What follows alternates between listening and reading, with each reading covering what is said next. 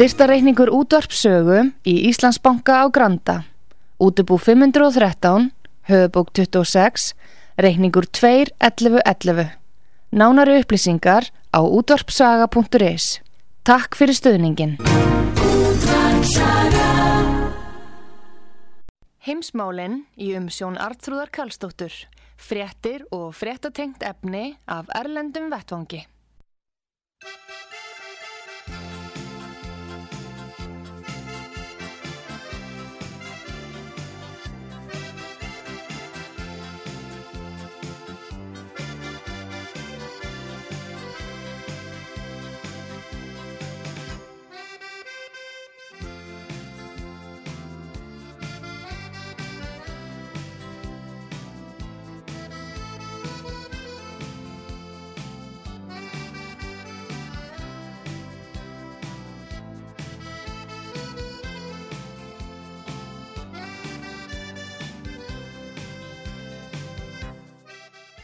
Komið þið sæl eh, til að hlusta út að sögu heimsmálin í dag.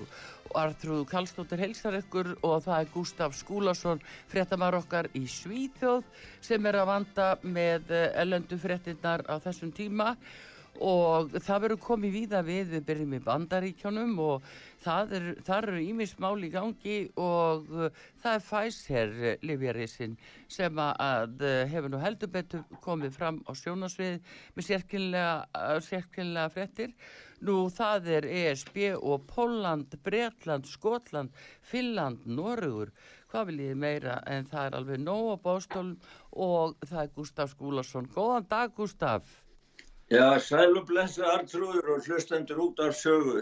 Gott að heyri þér. Já, sömu leiðis. Heyrðu, ég var að kynna svona stuttlega að Já. við ætlum að koma víða við og uh, þú ætlar að byrja í bandaríkjónum, ekki satt?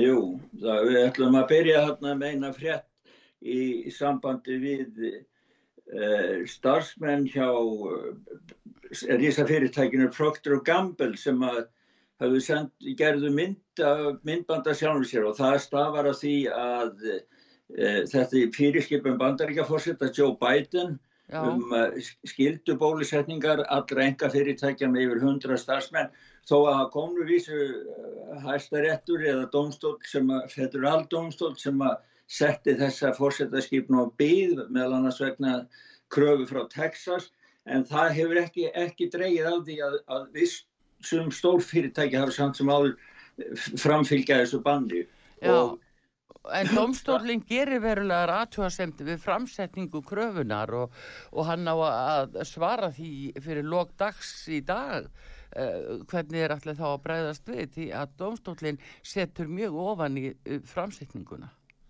Já, einmitt sko. Og en, en sem fyrirtæki, stór fyrirtæki eins og Procter og Gamble, þetta er ísastórt fyrirtæki, þeir eru með 100.000 starfsmenn út um allan heim sko.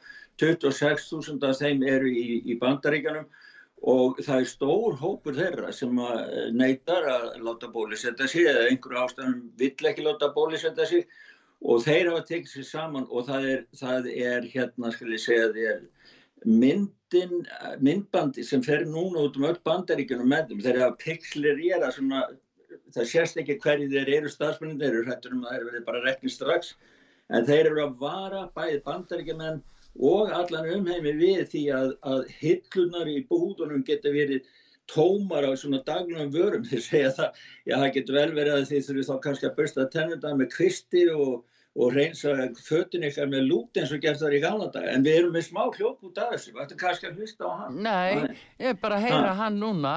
Við fáum Já. smá hljóp út af þessu. Já. We are Procter & Gamble. You don't know our names. You don't know our faces. But there are thousands of us. Some of us have been working here for 30 years. Some of us have been working here for 30 months. We show respect for all individuals. Instead of respect Many of us in this company have been subjected to name calling, exclusion, and general disgust. For simply exercising our right to choose what we put in our bodies. Being forced to decide between termination or indefinite discriminatory testing requirements is not a choice. You may not even care if we're terminated. But know this You'll start to care when our termination begins to affect you personally. What you've already seen happen to the airline industry will soon happen to many other organizations in America and around the world. Já, þar heyrðum við það. Gustaf? Já, já. Nei, þeir eru að lýsa því sem sagt að þeir þorðu ekki að segja sína, sína andlitin á, sér og þeim finnst sko, þeir eru að verja frelsi einstaklingsins til þess að ráða yfir, yfir líkamann sinu sjálfur. Þeir vilja sjálfur velja hvað er sett inn í líkamann.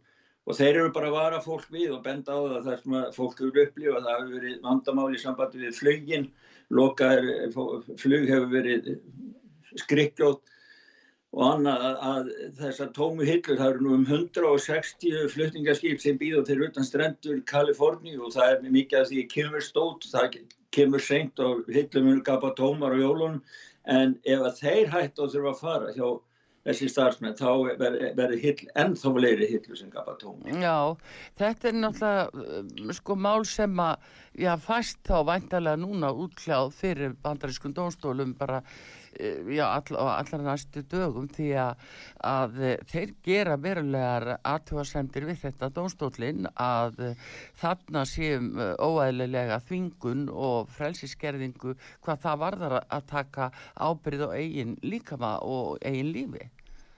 Já og það er sko Joe Biden þegar hann tóku ennbætti þá sagðist hann alltaf samin að þjóðina en það er bara á hverju í hverju mælum fátur öðru þar sem að þjóðin er klófin í herða nýður og ég held að fá mál hafi klófið bandarsins þjóðina jafn mikið nýður eins og þessi skildubólusetningans sem hann er því að það eru, það eru málaferðli gangi, það eru ég 19 ríki sem hafa farið í mál, já, mál við bandaríkin sjálf, aðalríki sko. Já.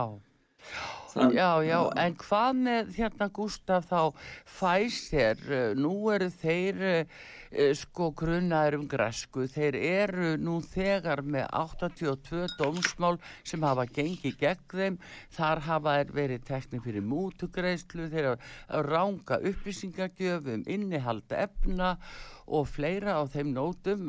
Pfizer er ekki með góða sögu, livja sögu í bandaríkjum og viða en uh, það, er, það eru sænski lækna sem að vilja tafalaust bregðast við uh, Gagvart Pfizer.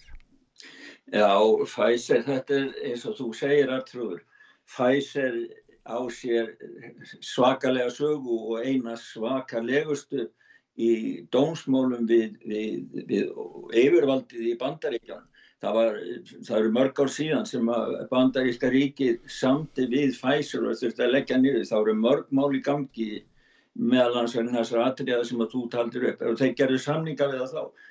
En núna í vikunni þá uh, síðust viku þá hrundu verbreyfmarkuðin verbreyf Pfizer 20% á miðugdæðin var og það var vegna þess að læknatímarita í Breitlandi British Medical Journal upplýsti sem sagt um, var með viðtal við Brooke Jackson sem var svæðistjóri, hafði verið starfað sem svæðistjóri hjá Venda Avia sem er einna verktök og Pfizer og sem var að vinna við það að þróa bólefnið mm. og hún er uppljóstrari og hún var búin að marg sinu vara við í sínu fyrirtæki á sínu svæði Ventavia Research Group í Texas mm. því að hún komst að, að miklum göllum og ímsum vandamálum sem að unnu gegn bæði siðferði, góðan síð og góðan vinnubröðum og að lokum, lokum þá skrifa hún bref til matvæl og legastofnuna bandaríkjana og hálfpartin kærði þetta,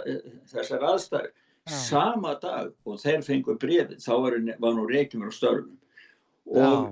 núna sem sagt þetta hefur á sig svolítið aðdraðanda, þetta var ekki að gerast í gær því að því að Medical, British Medical Journal er með mörg mikil gögg frá henni. Það er bæði útkersla á tölvugögnum það eru uh, hljóðbönd, það eru tölvupóstar. Þannig að þeir hefðu aldrei farið að byrta þetta nema að það væri algjör að þetta væri á, á, á staðrindum, staðrindum byggt. Já. og hún, hún sko, svo þegar þetta kom út núna í vikunni þá það er hérna í Svíðsjóð það er hópur hér sem heitir, kalla sér lækna uppreysnin og þeir, þeir eru svona, við skulum segja, hvað ég var að segja, þeir eru óhrættir í framsetningu skoðana sinna og það er að segja að þeir leifa sér að gaggrína yfirvöld. Já, Og þeir þeir vita set- betur. Ha, Þeir vita betur, órættið vegna þess þeir vita betur.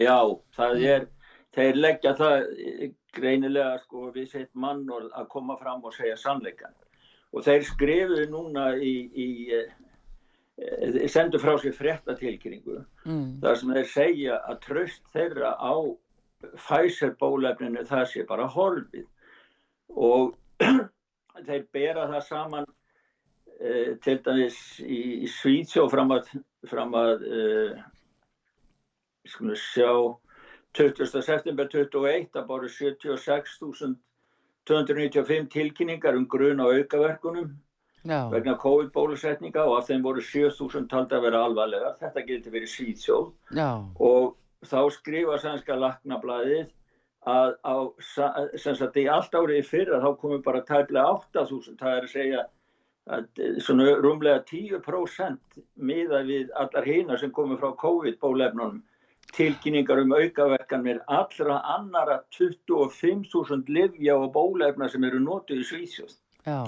Þa- Þannig að, sko, þannig að þeir eru mjög hardorir og þeir krefjast, krafa þeirra er að það verði strax hægt að bólusetta með bólefni fæsis vegna Já. þessara uppljóstrana, þessara konu, svæðistjórnans í, í undirverktaka fæsis. En þessi frétt, Gustaf, hún hafði mikil áhrif á verbrif, eða, uh, já, á hlut Pfizers, sko, þeir fundu Já, á markaði um 20%. Já, fjallum 20% er að frétt, eftir fréttin, eftir fréttin kom út. Ég veit ekki alveg hvernig þau standa núna, ég hef ekki kikt á það. Nei. En e, þetta er allavega sko e, eitthvað sem að enn og náttúrulega tilheng til að þakka niður en, en þó þegar svona sterkur hópur sænskra lækna stendur fram þá, þá hefur það umtalsverða vikt, er það ekki?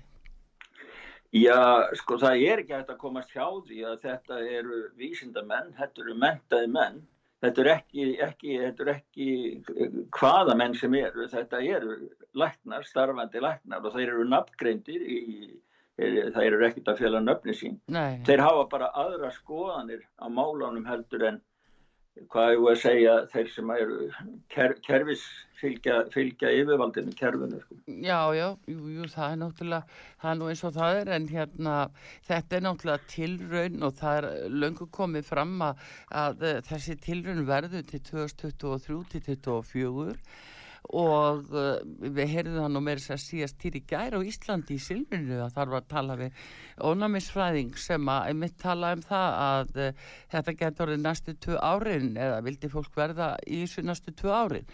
Og það, það er allt, við erum alltaf að sjá það betur og betur að öll framkvæmt miðar af, af þessari tilhörun sem er uppalegi í fjögur ár. Og, uh, og hérna þannig að böndin beinast auðvitað af lífjarísonum sem hafa geta gert samninga og breytt lögum í viðkomandi við, sko viðskiptaríki og, og axla enga ábyrð á afleðingunum þannig að auðvitað eru menn farnir að skoða rosalega hvað er um að vera hjá þeim og hversu er sem að- þetta er. Já, það sem að hún sagði frá og uppljóstraði, það var það að fyrirtæki falsaði tölur og þeir voru með ómenta starfsfólk og þeir senkuðu skýslum um aukaverkanir sem komið fram í þriðja fasa á rannsóknina á þegar þeir voru að þróa fram bólefni. Já. Og einnig hafði fyrirtæki áhrif á sem sagt, hvernig sjúklingar greindu frá eigin upplifun og aukaverkunum bólefnisins. Þannig að Pfizer var að fegra tölur, halda undan tölum og beinlýs falsa tölur. Og svo sko með þetta í hugaartrúð, það sem við erum að ræða um, eh, eh, næstu því glæpsamlega sögu þessa stórfyrirtækis og þessar afhjúpanir sem koma fram um hvernig þeir starfa, þá sko það komi, var að lasa það, að þeir eittu meiri peninga í auglýsingar og sölumennska á lifinu heldur en þeir eigða til, til rannsóknastarfa og það gekk út um allt þeir ger, létu gera fyrir sko þeir gáttu fengið nýja markað þegar það var ákveðið að bólusetja 5-11 ára gömul börn Já. 28 miljón manns til viðbútar við Mhm. alla fullorðina þannig að, að og þeir letu gera auglýsingamind og við erum með smá hljóput úr þeirri auglýsingamind sem við ætlum að helja það á. Við skulum bara fá að heyra það því það, ég hef einmitt sett það bara inn á bandrísku stöðvun það sem þeir eru að kynna einmitt þetta babyfæsi sem þeir kalla svo en við skulum heyra þetta þessa auðlýsingar This year, thousands of kids like us around the world joined the COVID 19 vaccine trial. Kid Power. And when they did, they became all superheroes.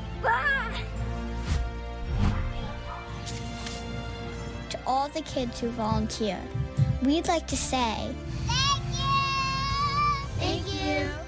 Fight coronavirus and help others. You're helping the whole entire world. Thank you. You are all superheroes. Thank you. Thank you, superheroes. Thank you. You're awesome. Já, þetta Já. er nú mjög sláandi sko, bara superhero ha, Já, þetta, já, það, já. það krakka svo- greiðan þau eru tala um það, þau verði eins og ofurmenni og svo, svo er auglýsingin, hún sýnir krakka, já, hvað við séu svona 5-10 ára gamla, klædda í svona ymsa búninga og ymslegt og hopp úr senginni, vei, ég er veist. Já, já, já, já. Það var einmitt svona auðlýsingafrétt á Rúfi gerkvöldi og Já. þá var verið að tala um sko uh, fjölskyldu sem vildi kosti ferðalög og, og Batti var látið segja ég, ég vil fara í bólusetningu að því að ég vil komast í ferðalag með pappa og mömmu ég geta ferðast. Og það var svona lítið krakki þannig að þau eru, eru að auðlýsa börnin svona og Rúf var, með þessa frétt í gerkvöldi þannig Já. að þetta virðist fara á milli landa þessi áróður. Þetta er sko, þetta er algjör heila þvottur og, auðmíkja börnin og ég get nú rétt ímynda með hvernig það verður hjá fjölskyldum þar sem að kannski fóreldrar þetta í einhverju hluta vegna eru ansnúin eða vil ekki láta bólusetja hvort í sinni börnin og svo horfa börnin á þetta í sjónvarpinu og þetta veldur deilum innan fjölskyldna ábyggilega sko. En Já. þetta er a- algjör sko sko superheroes, ég menna þetta er náttúrulega, hvað með þau börn sem fá aukaverkanir þá, eru þau superheroes? Já, einmitt, en uh, þau, þau eru með tali trú um þetta að þau fá ykkur á ofur krafta við bólusetningu en svo líka þetta að nota það á þau að þau komist ekkert í ferðalög og fá ekkert að fara og, og ekki í Disneyland, það var einmitt í Disneyland, það var almáli, þau kæmist ekki í Disneyland nema að þau væri bólusett. Þannig að Já, það er verið að plata þessu svona inn á þau. Já, og svo, svo var til þess að byrja sama, sko, það lífslíkurnar eru svo miklar hjá, sko, það er 0,999, ég man ekki hvað er mörgur sinni 9 og, og svo fjórir eða sjö endanum, ef maður er, er, maður er krakki, sko, og, og já, það er 99,997 á aldrinum 0 til 19 ára, sko, miklu meira og það eru munhæri lífslíkur heldur en að drukna þetta í bílsleysi eða þetta í flensu og fleiri börn í Chicago hafa verið skotin að þessu ári heldur en að dáið kórunuveirin í bandaríkan. Já. Þannig að maður getur svona, það, það er hægt að sjá þetta í ymsu ljósi sko, ef maður ber saman við svona staðrindir. Já, já, en það er rosalega mikið í húfi núna gagvart þessum heildar samningi og þessari heildar tilraun með þessi uh, lif að uh, sko þeir verða að vera búni til að uppfylla sko uppfylla skilirði samningsins að þá þurfa að vera byrjaður á barnasprautunum núna fyrir áramóta því það er uppgjör og, þá þetta er opbóslegt peningaspursmál hverjir geta uppfyllt það að ná börnunum líka. Já, þetta er, þetta er snýst allt um peninga sko. Þetta snýst miklu meir um peninga, þetta er nokkuð til um það að, að bjarga einhverjum eða, eða helsa og ég veit að þetta náttúrulega að fullir það svona hljómar ábyggilega eins og að blóta í kirkjunni fyrir vissa aðila, sérstaklega þá sem að standa nú í góðri trú, kannski að hálfu ímis embættismanna ríkisins sem að standi þeirri trú að þeir séu að lækna og, og, og hjálpa. Nei, Bíti Eh, Gustaf, staldar ans hérna já. við vegna þess að beilinni skýringin hér á Ísland er gefin uh, sem er svo að lendin sé vegna viðskipta hagsmuna uh, samningsaðila að þessina með ekki sína innihald samningana hér að, að því það er út af peningunum. Já, það er já, út af peningagreislunum hérna á milli. Já, ég heyrði þig tala um að það væri búið að kaupa eitthvað óhemju mikið magna af, sprautum til Íslands, hvað, fleiri hundruð þúsund, 1,4 miljón fyrir næsta á 2022 á Ísland. Já, og var það vegna þess að það átt að duga tværisbrautur eða? Nei, þetta er, Já, nei, þetta er svona, partur sko, þetta er- af nefnilega heilda tilruninni, það eru miklu fleiri sprautur eftir. Þessin er verið að senda alla núna og segja þriðja spraut hans að bjarga þessu öllu, en fólk þarf að aðtúa að það er ekkert nýtt efni í þriðju sprautinu, þetta er bara sama efnið áfram. Þetta er sama efnið og það Já. verður sko 90% af þeim sem eru lagðir inn núna á sjúkrós eða koma á sjúkrós, það er, það fólk sem er sprautað sko. Já, já. En, en hérna, svo, svo hérna vorum við með hérna, e, það hefur verið mikið rætt í Kína í sambandi við, við nei hérna í bandaríkjónu fyrirgjöðu, í, í sambandi við e, fjárfestingar í Kína og við var, var með, það er frétt frá því að Michael Walsh, hérna þingmarinn, að var verið að ræða þessi mál og annað meðal hans á Fox News. Og, Já, um BlackRock. Já, um BlackRock sko, ég, BlackRock er, er nafn á einu stærsta fjárfestinga aðila heims. Og þetta nafn sérst alltaf meira og meira í fréttaflæði, bæði frá bandaríkjónum og fleiri stöðum í heiminum. Já. og í, í alls konar samhengi. En mér, da, mér fannst sko þessi frétt vera aðtiklisverð því að það, það eru mjög miklar uh, hvað ég að segja umræður minnst sætt um, ste- stefnu fyrirtækja, stórfyrirtækja bandaríkja eins og til dæmis Nike sem sig, segist vera kýmvest og vera fyrir kýmverja í dag og, og, og þessar hlýðni við komustaflokkin í viðskiptum. En hann er að tala um það hvernig pinn því að BlackRock þeir fóru og voru að hvetja bandaríska aðila til að fjárfesta í Kína. Og það er nú ímislegt sem er að gerast í efnarslífunu í Kína eins og við höfum rætt um áðum en annars með efnarsriðsan hérna stóra og sem að er, fjár, er, fjármálin eru daldið svona hristandi verðbríðin hafa fallið með meira. En við ættum kannski það var líka minn hérna, hljóðbúti með þessu. Já, við skulum heyra hvað þið segjum þetta uh, núna. At the end of the day, Maria, we've talked about their military buildup, their manufacturing base, they're launching hypersonics. They're doing it with our money between Hollywood, between sports, between Wall Street, firms like BlackRock that are telling people to triple their investments into China. You know, enough is enough. I want people to make money all day long, but not when it comes at the expense of U.S. national security. And when the head of China is talking about replacing the American dream with the China dream, enough. I call on all Americans when you see made in China, put it down. And what's wrong with these Wall Street guys, Larry Fink, BlackRock, Ray Dalio, uh, investing and managing the CCP's money? Do they not understand that their kids and their grandkids and their kids will not have the same opportunities and upbringing that they did under a Chinese empire? Yeah, and, and you know what? You're going to have future soldiers, sailors, uh, and airmen possibly in conflict, possibly dying at the hands of the All right. military equipment that Larry Fink bought with his money. Já, þetta kom fram í sjóastættur um Sunday Morning Future nýlega, Gustaf, og uh, þarna er þið náttúrulega að skiptast á skoðunum heldur betur að uh, hvað, hvað, hvað, sko, eru þeir virkilega að uh, hvetja til fjárfestinga í Kína uh, og eru þeir að, eru þeir í samfunnu við kýmverðana? Já, það er nefnilega þannig. Sko, þetta er svolítið skuggaleg frétt ef maður, maður íhugar á grundanana, leggur hana fyrir sér. Því að þegar Donald Trump var fórseti bandaríkjana þá settur upp lista með eitthvað 15, 10-20 fyrirtækjum, svona kýmverskum fyrirtækjum sem að voru að njóstna um hernaðatækni og voru að, að vinna að byggja kýmverska herin og BlackRock hefur, sko þetta eru allt saman fyrirtæki sem eru algjörlega stýrt með hardri hendi að beint úr miðsöld kommunistaflokksins og BlackRock er búin að gera samning, gerði samninga við tvö þessar fyrirtæki jafnvel þó að það væri bannað á hálfu bandaríkjana og þeir eru, eru að æsa eða svona segja hvetja alla fjárfæst í bandaríkjunum parinu við peningana inn til Kína. Og þessi er stjórnað af miðstjórn kommunistaflokks Kína. Og þetta er alveg skelvilegt og þess er hann að segja sko það getur vel verið að, að, að, að bandarískir hermenn, sjómenn og flugmenn uh, muni falla, falla fyrir kúlum sko því að peningarnir snúa tilbaka sem vopn sem verður notið gegn okkur, segir þessi öldunga deilda þingmaður Mikael Valls. Já. Ég að hann sé öldunga, hann er þingmaður allavega, þingmaður republikan. Já, já.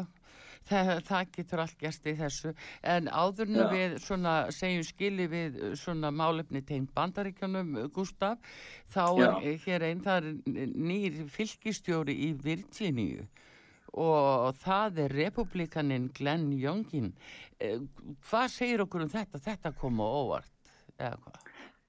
Já, þetta, það hefur ekki verið republikanskur uh, fylgistóri þarna síðan held ég 2009 og, og uh, þetta hefur verið mikið keppi-keppli fyrir demokrata og verið stert uh, fylgi fyrir demokrata Virginia Já. og uh, bæði Obama og uh, Joe Biden fóru í sérstakar kostningaferðir hérna til þess að styðja sinn fylgistjóra Te- Terry McAuliffe en, en allt kom fyrir ekki. Republikanar, unnu og eh, með, með góðum trúverðum staðförstu meiri hluta. Þannig að, að þetta er algjört eh, högg á demokrata því að það er talið sko að kostninga úrslitin í þessu fylki muni sína fram á hvernig kostningarna fara núna í, í milliríkja kostningunum og komandi þingkostningum á næsta ári, Já, milli einmitt. þingkostningunum. Ég sá nú með þess að byrjast eftir Kamilu Harris sagt sko að eh, hún sagði jæja þá vitum við hvernig kostningarna 2022 fara og 2024 hún var komið þangað. Já, og ég get sagt að það var í sænska sjónvarpinu en það frétt í gær frá um, um Joe Biden, sko, að hann er orðin svo óvinsæll, sko, hann hafur engin fórseti á jafnskömmu tíma tapað jafnmiklum vinsaldum eins og Joe Biden, ef má fullir það í dag, Já. eftir hennar skamma tíma hjá honum embætti. Og nýjustu sögurnar, það sem hann var á hérna, lofslagsrástefninni, Já, hann, þeir hefðu bara átt að hafa hann inn í, bara inn í einhverju herbyrgi bara því að, því að eh, hann var vist sleppti svo miklu frá sér þegar hann var að lappa um þarna með konusfjölskyldunar að það var allar rætt um annan. Já, en hérna, en uh, sko sanga síðustu mælingu sem ég sá, þá var hann komið með hvað, rúmlega 37% af fylgjeldur. Uh, það var Já. hrunið nýri það. Já, hrunir 37, Já. ég held að 37, 38 hérna var sagt ekki aðeins hvað svolítið.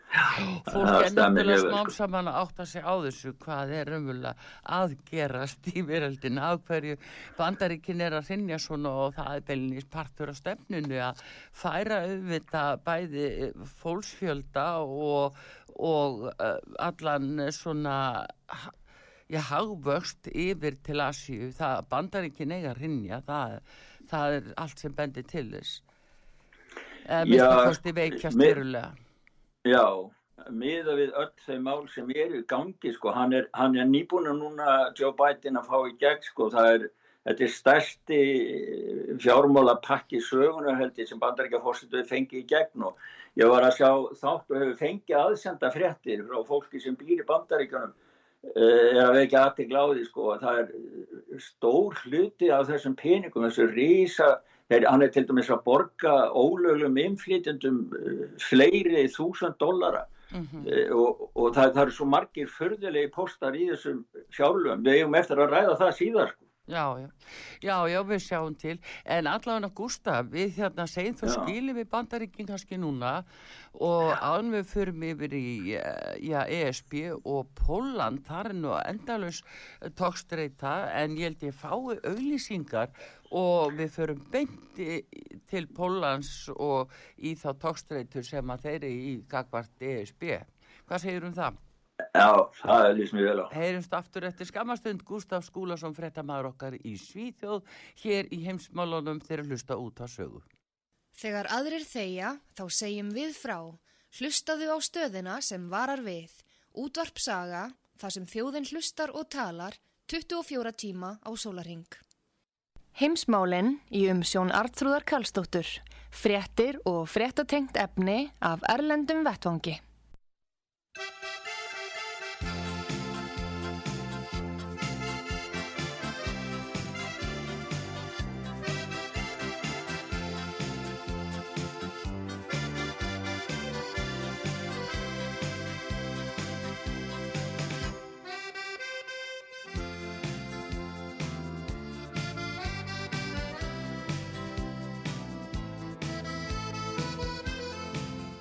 Komið þér sæl aftur heimsmálinu útvarpi sögu Gustaf Skúlason fréttamaður okkar í Svíþjóð hér á líninni og við ætlum að skella okkur yfir til Pólans og horfa á samstarfið og átökinn við ESB Gustaf.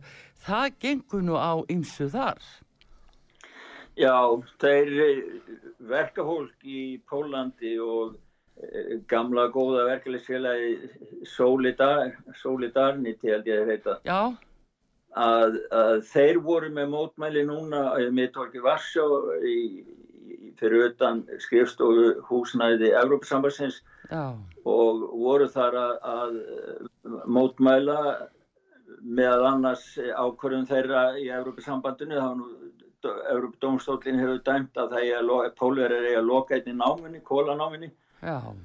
Þannig að, að og síðan hefur, hefur Európa-sambandið lætur að borga daglega 1,5 miljón evru í sekt á hverjum degi, hálf miljón af því ef það ekki loka náminni og þetta allar Európa-sambandið, þessa pening allar Európa-sambandið að draga af sem sagt og ofinberum löglegum fjárlögum Európa-sambandsins sem peningar sem að pólverjar eiga og Európa-sambandi má í raun og verið ekki gera en þeir alltaf gera það samt. Já. Þannig að, að, að pólski verkamenn alls það frá Pólandi fulltrúar verkalýsfélagana og annar að þeir orku vera kólanáma, þeir mótmæltu hái ramaks og hýtaverði og, orku, og, og segja já við orku fullveldi Pólans, nei við hái ramaks og hýtaverði segja þeir.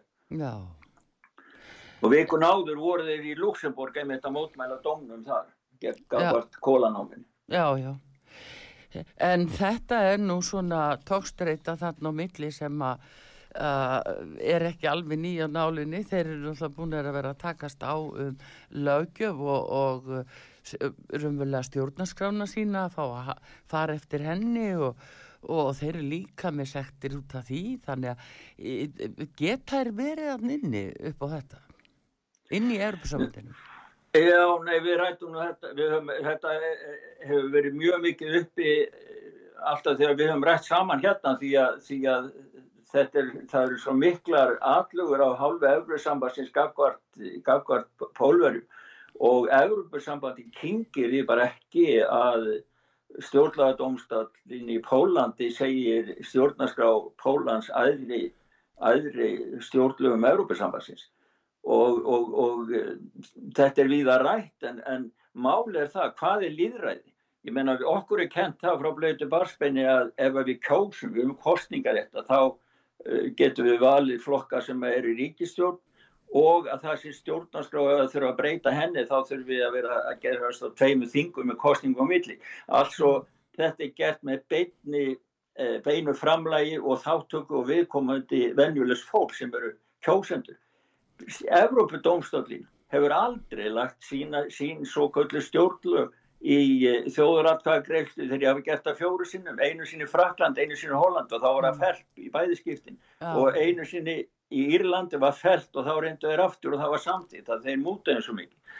Þannig að ég, ég, sko, stjórnlega domstólginni Pól, þetta er mjög mikilvæg próraun því að ef að Evropasambandi heldur áfram þessari fjárkúin og upptæknum hætti myndi sjálfsagt senda þá herinn þá ef það væri komin Evrópi hér þá er Evrópusambandi alveg, er gríman algjörlega fallin af því sko. Já. Því þá eru þau búin að taka sér allræðis ríkisvald sem að þeir hafa ekki. Samkvæmt lýraðisreglum. Já, já.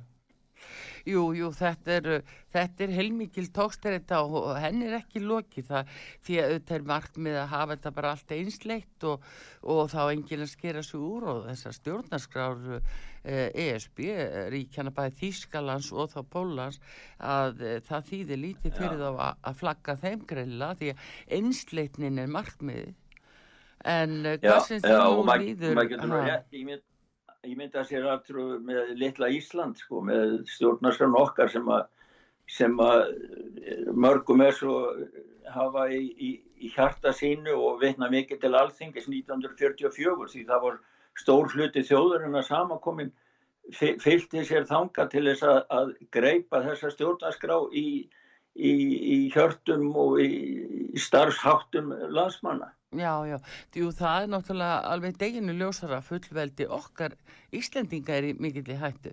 En þetta er nú svona eitthvað sem að á að eftir að byrtast bara á næstu vikum sínist mér því að við erum ekki búin að fá að vita hvað ráð þeirra hafa verið að skrifa undir núna á elendir grundu og hvaða umbúða heimildir höfðu til þess. Tókuður sér það með framhjá stjórnarskráni eða var fórsettin búin að skrifa undir það, við veitum ekki. Ennþá þetta og allt þetta er að koma í ljós. En Já. eh, Gústaf, það er, við þurfum Já. að halda áfram að fara yfir til Mæjorka þar var mikið öngveit á flugullunum út af nöðlendingu hvað hekk á spýtunni? Jú, nei, þetta, þetta uh, vakti aðtekli því að það kom í ljós, það var flugil sem var frá, var, frá Marokko til Casablanca í Marokko til Istanbul í Tyrklandi og, og þegar hún er yfir Mallorca þá ber hún um að fá að, að lenda, neyðalendingu vegna þess að það er einhver maður falli í yfirlið vegna diabetes og þurftur bráðnir sinlega á læknishjálp að halda en svo kom í ljós um leið og vilin stöðu á flugbrautinni Já. og opnuðu styrnar og út þurftu ólöglegi flóttamil sem að, sem að hlupi allar áttir á flugbrautinu. Lauruglan það var það loka flugunum, það var gæti engi flugul lendið að tekið sér á loft og flugurnar loka næstu í fjóra tíma og lauruglan fór eftir fólkinu náða hans að einhverja og meðal annars þá að fara, þeirra var að fara með hennar mann á, á, á spítala sem að umrættur sem að átt að vera veikur að þá byrja hann á það fyrsta sem hann sagði það var það að hann sótt um hæli sem ólöglu hælisleitandi. Já. Þeir náðu nú meiri partunum á þeim held ég sko. Já. Það bara vatti aðtíkli hvort að þetta sé nýja flóttamanna leiðin. Já, þetta er frá Ma Marokko Já, þetta var Já. flugvél frá Marokko, já, Casablanca. já. hérna, já, svona getur það verið, það er náttúrulega gott að vita um það. En Já. í Bretlandi, þar er náttúrulega alltaf eitthvað og, og hérna, ef við aðeins eh, förum yfir eh, svona smá, smá grín þar, ha? Já, hérna með, með Monty Python. Já, Það var einn, einn félagi Monty Python, hann, hann, átti, hann átti að vera leikstúri á síningu í Old Vic sem er nú þekkt leikhús í London. En starfsmennir gerðu uppreist og leikhússtjórin og stjórnin þorði ekki annað heldur en að banna síninguna vegna þess að, þessi e, maður frá, frá hérna Green, Green, Green, Greenhóknum, Monty Python, hann, hann hafi gert grín af transfólki og hann hafi sagt að, að MeToo-hreyfingin væri, gerði grín af henni einhvern tíman og sagði að það væri nortnaver og kallmenn. Og svo sagði hann brandara sem hefur gengið um allt, hann sagði að hann var svo þreytur á því að vera ásakaður sem kvítur karlmaður um allt sem illt færi í heiminum að hann ætlaði að breyta sér og breyta sér í í svarta lesbíu sem geti Loretta eftir það hann. já, þá hefur náttúrulega allt orðið vittlust. Já, það var það. Nei, nei, það er bara, það, hann var reikin öfugur út, en Já. þetta er svona tekið dæmi um, um þetta, hvað þetta er viðkvæmt alls. já, já. En svona uh, í Eilandi núna, það er náttúrulega stóra málið er í Skotlandi og uh, þessi lausn loftlagsvandan kála kapitalismanum frelsa blökkufólkið og leggja niður laurugluna. Já, Er þetta yfirskriftin á bakvið tjöldinu eða hvað, hvað eru þau að gera þarna? Já, ég ég, við hljóttum að hafa miskilið hennar loslagsvanda, Arnþróður. Þetta er, þetta er rasismi, þetta Já. er rasismi og, og þetta er allt sem að lögguna kenna. Já, við er að það svo leist Hlusta á hérna það var ein, ein kona hérna lofslagsarkjara sinni, Mikaela og að heyra smá part úr ræðu hennar hérna Já. fyrir helgi Við skulum fá ekki heyra þann hljóput, endilega. We must demand an end to capitalism. We must demand an end to white supremacy. We must demand black liberation. We must abolish prisons and the police.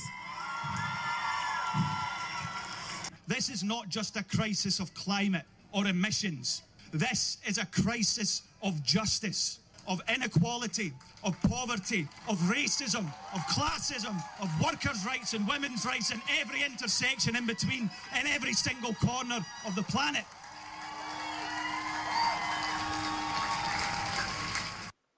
Já. Ég, ég skal segja ykkur að það er ekkit öðruvísi. Kála kapitalismanum, frelsa blökkufólk og leggja niður laurugluna. Þetta er lausn loftlagsvandan í. Já. Ha, er, er fólk virkilega Gustaf sko? Nú vitum við að þetta er rándýr eh, rástefna í tvær vikur og mikið í þetta lagt og mikið skrautsýning og peningaðisla í kringum þetta. Eh, er fólk virkilega að tala svona?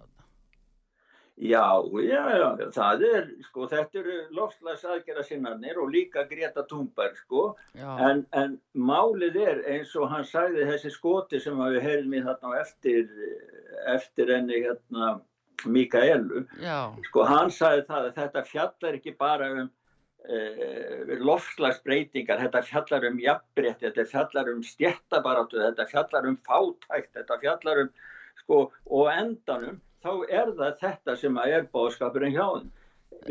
Einungis sósalismin getur bjarga lofslæðinu. Þetta er sem sagt bara hreitt gamaldags sósalisku kommunískur áraður um það bara, að bara allt er ómögulegt ef við komum ekki á sósalismun. Og nú hafa þau sem sagt þeir sem að aðhyllast þessa kenningar, þeir hafa fengið lofslæðið upp í hendurnar og geta bara hóta með því, já, ef þið gerir ekki það sem við segjum, þá verður bara dómstag og bara degjum við öll innan tíu ára. Já, en er ekki mitt meðal annars samkvæmt þessu loftlagsbreytingarnar uh, uh, bara vegna af rasisma? Er það ekki eitt sem þið komum við líka? Jú, það er hvernig, hvernig eh, þau, ég, ég kann ekki skýringa á því sambandi því reyður sko, en það er, það verðist vera ef að, ef að allar verði það ekki, allir, já, ég segi nú bara eins og hann þarna Monty Python maðurinn, allir maður verði ekki bara breyta sér í svarta konu, ég veit það ekki, þú fyrirgefur, Arthur, Já, ég bara, ég er eiginlega bara nokkuð rasandi yfir því, sko, maður held nú einhvern veginn að þetta væri nú svona á vandari nótonum og, og væri málefnalegt og, og annað sem það að einhverjum hluta er, en svo eru svona mál sett í samingi við og þetta dregur svo trúverðuleikanum að, að það er ekki viðlít að taka marka á því og hvað þá að setja uh, milljarða og milljarða ofan í þessi loftlagsmál ef að þetta hangir og spýtur alls konar vitleisa. Já, já, Greta hún lísti yfir sko að, að vestræna þjóðir standa í sögulegri skuld við söðrana þjóðir vegna arfleiður að nýlendu stefnunarinn og það, það er það sem að sko kynþátt að þessi nýja kynþátt að misrættingastefna sem að við erum að halda fram í dag byggir á sko. Já. Við sem erum hvít, við erum að skammast okkar fyrir það að vera hvít og maður hefur meiri segja, segja að sé umræður eða frétta af umræðum um það að að það ætti að banna mjólk af því hún var í hvít. Já, já. Það er mjólk Nú, verið það, já, þetta er komið út í það, sko. Já. Já. Já, já, Já, en, en já, það er í svona Finnlandi, já, í Finnlandi eru borgaríðvöld í Helsingi að bjarga loslæginu og, og vilja hætta að vera með kjöt og mjölk á samkomum. Það, þetta er Já. það sem við höfum verið að tala um hérna, Gustaf, hvort það sé virkilegt að okkar ráðamenn sé að fallast á það að við höfum hér, hér úti á Íslandi að við höfum að draga úr kjötneyslu, mjölkuneyslu. Já, já, já, já, það er sko, það var eins og núna Helsingi. Þetta Já. er nú eina höfuborgar Norðurlanda. Þannig Heldur að, betur. Já, þannig að þetta nú, ætti nú aldeilis að koma inn á borð hjá bæjarstjórnin í Reykjavík, sko. Já. Ef þeir vilja vera fylgja, fylgja sagt, nútíma starfsáttum. Þeir ætla að banna frá og með í Helsingi, verður banna frá og með 1. janúar næsta ári að, að, að bera mat eða mjölkuvörur á, um, á borð, sko.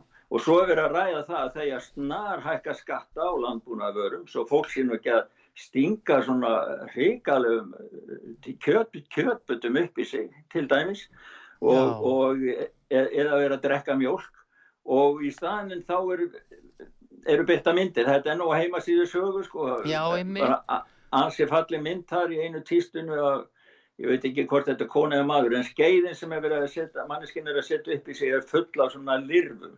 Þannig það er við venjulega fólki sem við höfum þá gefnaði lengur að kaupa kjöt eða landbúnaður við hefum bara geta pöttur og skortir Já, þetta er vol ónótalegt og, og sérstaklega því það er sko e, lítið að hafa hér frá íslensku stjórnvöldum um þetta atriði og eins og ég sagði nú áðan, við vitum náttúrulega ekkert hvað að hafa undirreitað þarna úti núna á, á þessum, þessari ráðstefnu í, í Skotlandi. Þannig að ákverju er von og þetta er bara svakalega mikið, sko fyrirferða mikil svona áróðu stikkur, bara loftlagsvandin og hann er svo ræðilur og loftlagsvandin, við þurfum bara að borga og borga, þau að taka uh, sko hátt í 600 miljardar út úr íslensku lífeyrissjóðum. Þetta er svona að byrjunin á því hvernig á að taka lífeyri, út úr lífeyrissjóðum Íslandinga því að mér skilst að lífeyrissjóður í Evrópu síðu tómir þannig að við getum vist ekki komist upp bara... með að hafa þetta í lægi hjá okkur Já, já, segðu. Ná, þetta Nei. Þeir, þeir sækjast í það. Þetta er meðal annars líka ástæðan fyrir því að breytanir fóru úr, sko, Europasambandi. Já, já. Til að sé að þeir eitthvað sterkast sjóðið þar, sko. Nei, þetta kemur, sko, til dæmis normenn. Þeir, þeir voru nú að taka afstöðu núna, sænski krata, þannig að það, öllum finnst nú ekki það sama greinilega. Því að, þeir voru að segja það núna að, að Greta Thunberg, þeir eru að vara við Greta Thunberg, norski kratar no. og, seg, já, og segja hann að vera bara andlýraðislega og beinlýnins hættulega. Þeir voru akkurat að vitna í þessa ræðu sem ég sagði frá áðan hérna í, í, í Skotlandi já. á, á loftlagsrástefninu og eh, hún, hann sagði það loftlagsráðherra Noregs Espen Barth Ædi að þegar maður segir að stjórnmál séu tilgangslust þá er maður á svolítið hættulegri braut. Mér finnst það hinn miklu og skinsamlegi vilji til að láta eitthvað gerast eigi að breytast í stjórnmálega aðgerðir en ekki til að afnæta öllum hugmyndum um líðræðislega stjórnmálega breytingar.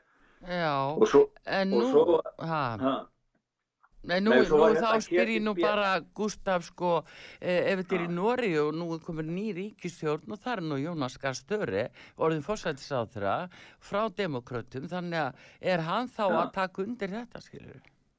Já, það var, ég sá sko í aftonposten var með mi mikla frétt um þetta mál og tókum með hans vital við formann ungra jafnamanna í Nóri sem að, eh, sem að talaði ekki vel um Gretu Thunberg þannig að þetta auðvist vera sameigilegt, eh, hvað ég var að segja, aðtöpp hjá sól- sæns- hérna, norskum jafnamannum Já. að andmæla Gretu og það var til dæmis hérna stjórnmálaristur Aftenpostens Ketil B. Alstedheim Alstedheim, hann skrifaði það sko við þurfum Gretu Thunberg og aðgerða sinna til þess að svona reka á, drífa málinn eh, utan, að utanfrá.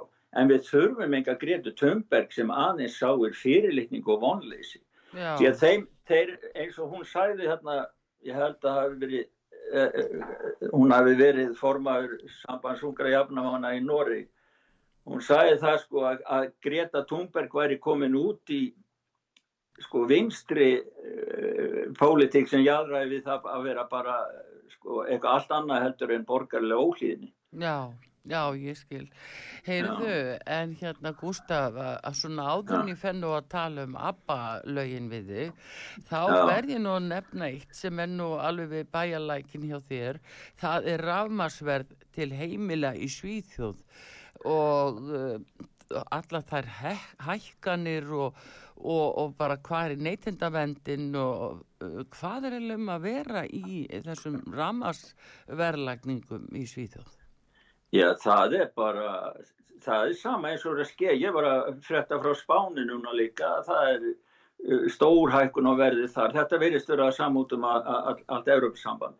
En ég fekk, var, þá sendi einn íslendingu sem á heima hérna í Suðursýð og sendi mér afrit af, af orkureikningum sínum Já. og ég setti, afrit, setti þá inn á heimasíðu sögu og það sem sagt uh, Íslendingurum var að, að endur gera samning, var með fastan samning og var með verð sem var 33 öyra á virðisauka eða 38 öyra sænskar, ég er að tala um sænska núna, Já. öyra kílovatt tíman uh, en hún uh, já, þurfti að gera nýjan samning og eina verði sem að var hægt að fá var 113 þannig að á einni nóttu þá hækkaði ramasverðið um eh, 30 millir 30 eða yfir 30 prósent sko Já. og hvar sko þessi Íslandingur spyr sig vegna þess að á Íslandi þegar verið að vera að samþykja þrýð orkupakkan þá var verið að segja það, að það væri svo mikið neytendavernd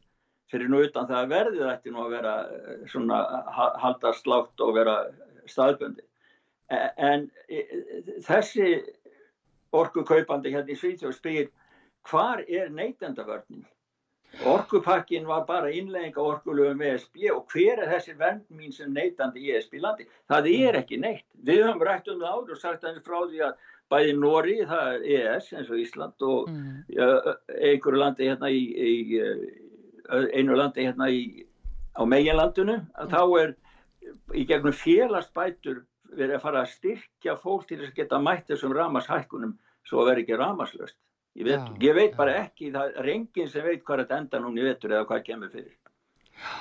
Þetta er alveg svakaleg. Eh, Ég frétti nú einum Íslending sem er búsættur hann í sögu Svíþjóð sem að ætlaði raunverulega bara að flýja Svíþjóð út að háður ramarsverði og vassverði á köldu vatni. Er þið farnir að hækka það líka? Já, það, það er, sko, orkumálinn þau eru bara eftir að Svíþjóð, eftir að Svíþjóð gekk með í Evrópusambandið, þá hefur þetta alveg bara stigast í markvist, farið allt úr böndunum. Evrópusambandið er bara, er búin að koma orkumálunum í ríkisbús form. Já. Það, það ger, það eru öll ríkin orðin háð miðstjórninni í Brussel um það hvaða orku er það að vera, hvernig málinn eigi að vera. Já. En samt er logið á fólki og því sagt að þetta sé frjál samkeppni. Já, og, það, er- en- en- og maður sér það til dæmis á Íslandi að flokkur eins og sjálfstæðarflokkurinn sem hefur nú kent sér við frjálsa samkeppni alveg frá fæðingu að þeir telja þetta vera voðalega gott dæmi um frjálsa samkeppni í ríkisbúlskap Európusambansi. Já, en það er einmitt núna, þessin er svo áriðandi að fá að vita hvað atvinnumálar á þeirra og ramasmálar á þeirra, orkumálar á þeirra hefur eh, samþykkt eh, hugsanlega út í Glasgow að þýðir að það að að ramasluti orkupakka fjögur hafi verið, raunverulega verið samþyktu með e, fyrirvara um samþykki alþingis eins og gerist með orku, orkupakka þrjú var hann hugsalega samþyktur og þá með samþykki fósittans og Já, þetta því sko- gjörbreyti ramasverði hér á Íslandi Já, þetta er sko, ég menna það er, ég menna það, það getur ekki gengið til lengdar að líðræðislega kjörnir embættismenn sé að fara bak við þjóð sína. Það bara getur ekki gengið. Ísland hefur nú fengið tegna heldur betur eh, sem sagt að kenna á því í sambandi við iSafe og að þeir skuli bara dyrfast að vera að halda þessu áfram svona. Ég, það er langt fyrir ofan minnskilin. Já, já. Já, þetta er náttúrulega allt eftir að koma í ljós en ég held að fólk þurfa að vera viðbúið því að ef að það er raunin að, að þá þurfum við nú aldeilis að taka okkur saman í andlitinu uh, og átt okkur á því ef að, verð og, og, og verð á vatni og ramagni í snar hækkar hérna út af þessu. Já, en ég verði að segja þér eina frétt áður en að við hérna í viðbót sem hefur vakið miklu aðtegli inn í Svís og ég veit að ábyggilega eh, er áhuga á upp á Íslandi og það er um, um hérna heiðus vandamálin í Malmö. Í, í, alveg nýri sko, ekki bara grunnskóla heldur nýri leikskóla alveg nýri þryggjára aldur. Kennarar leikskólakennari í Malmö, þau eru búin að gefast upp á að reyna að kenna eh, innleiða sænska venjulega síði hjá, hjá litlu börnunum vegna þess að þeir lenda í svo miklu aðkasti og reyfrildi við foreldra vissa barna sem að krefjast sko, þeirra skilgreiningu. Að minna lítil börn er að benda á kennara, konur sem að, sem að sérst í bera handleiki og segja að þú mátt ekki sína handleikin á þér, þú ert, þú ert, mamma segir það, það má ekki sína handleikin og, og, eh, og það hefur verið að fre- fresta því að lítil börn í leikskólum frændsískinni að vera að, undirbúa hjónaband þeirra í framtíðinni. Ég menna þetta er, en kennarinn verið að gefast upp og það er, það er skýrsla um þetta og, og þetta hefur aldrei óhug hér bæði hjá kennarsambandinu í Svíþjóð og líka hjá bæjaröfuvöldum hérna í Malmö. Það það kemur fram. Já, það er nefnilega það. Heyrðu, en hvað segirum mér hérna, um, hvað segirum mér um Abba? Þa- Þakka þér innlega fyrir Gústa, þú er náttúrulega alveg búin að, að slá í gegn hérna með uh, Abba-lögunum sem þú er búin að senda okkur. Og, og skiptir þá ekki máli hvort það er nótt eða dagur en uh, þetta er svakaleg uh, endurkoma hjá þeim, þetta er svakaleg flott.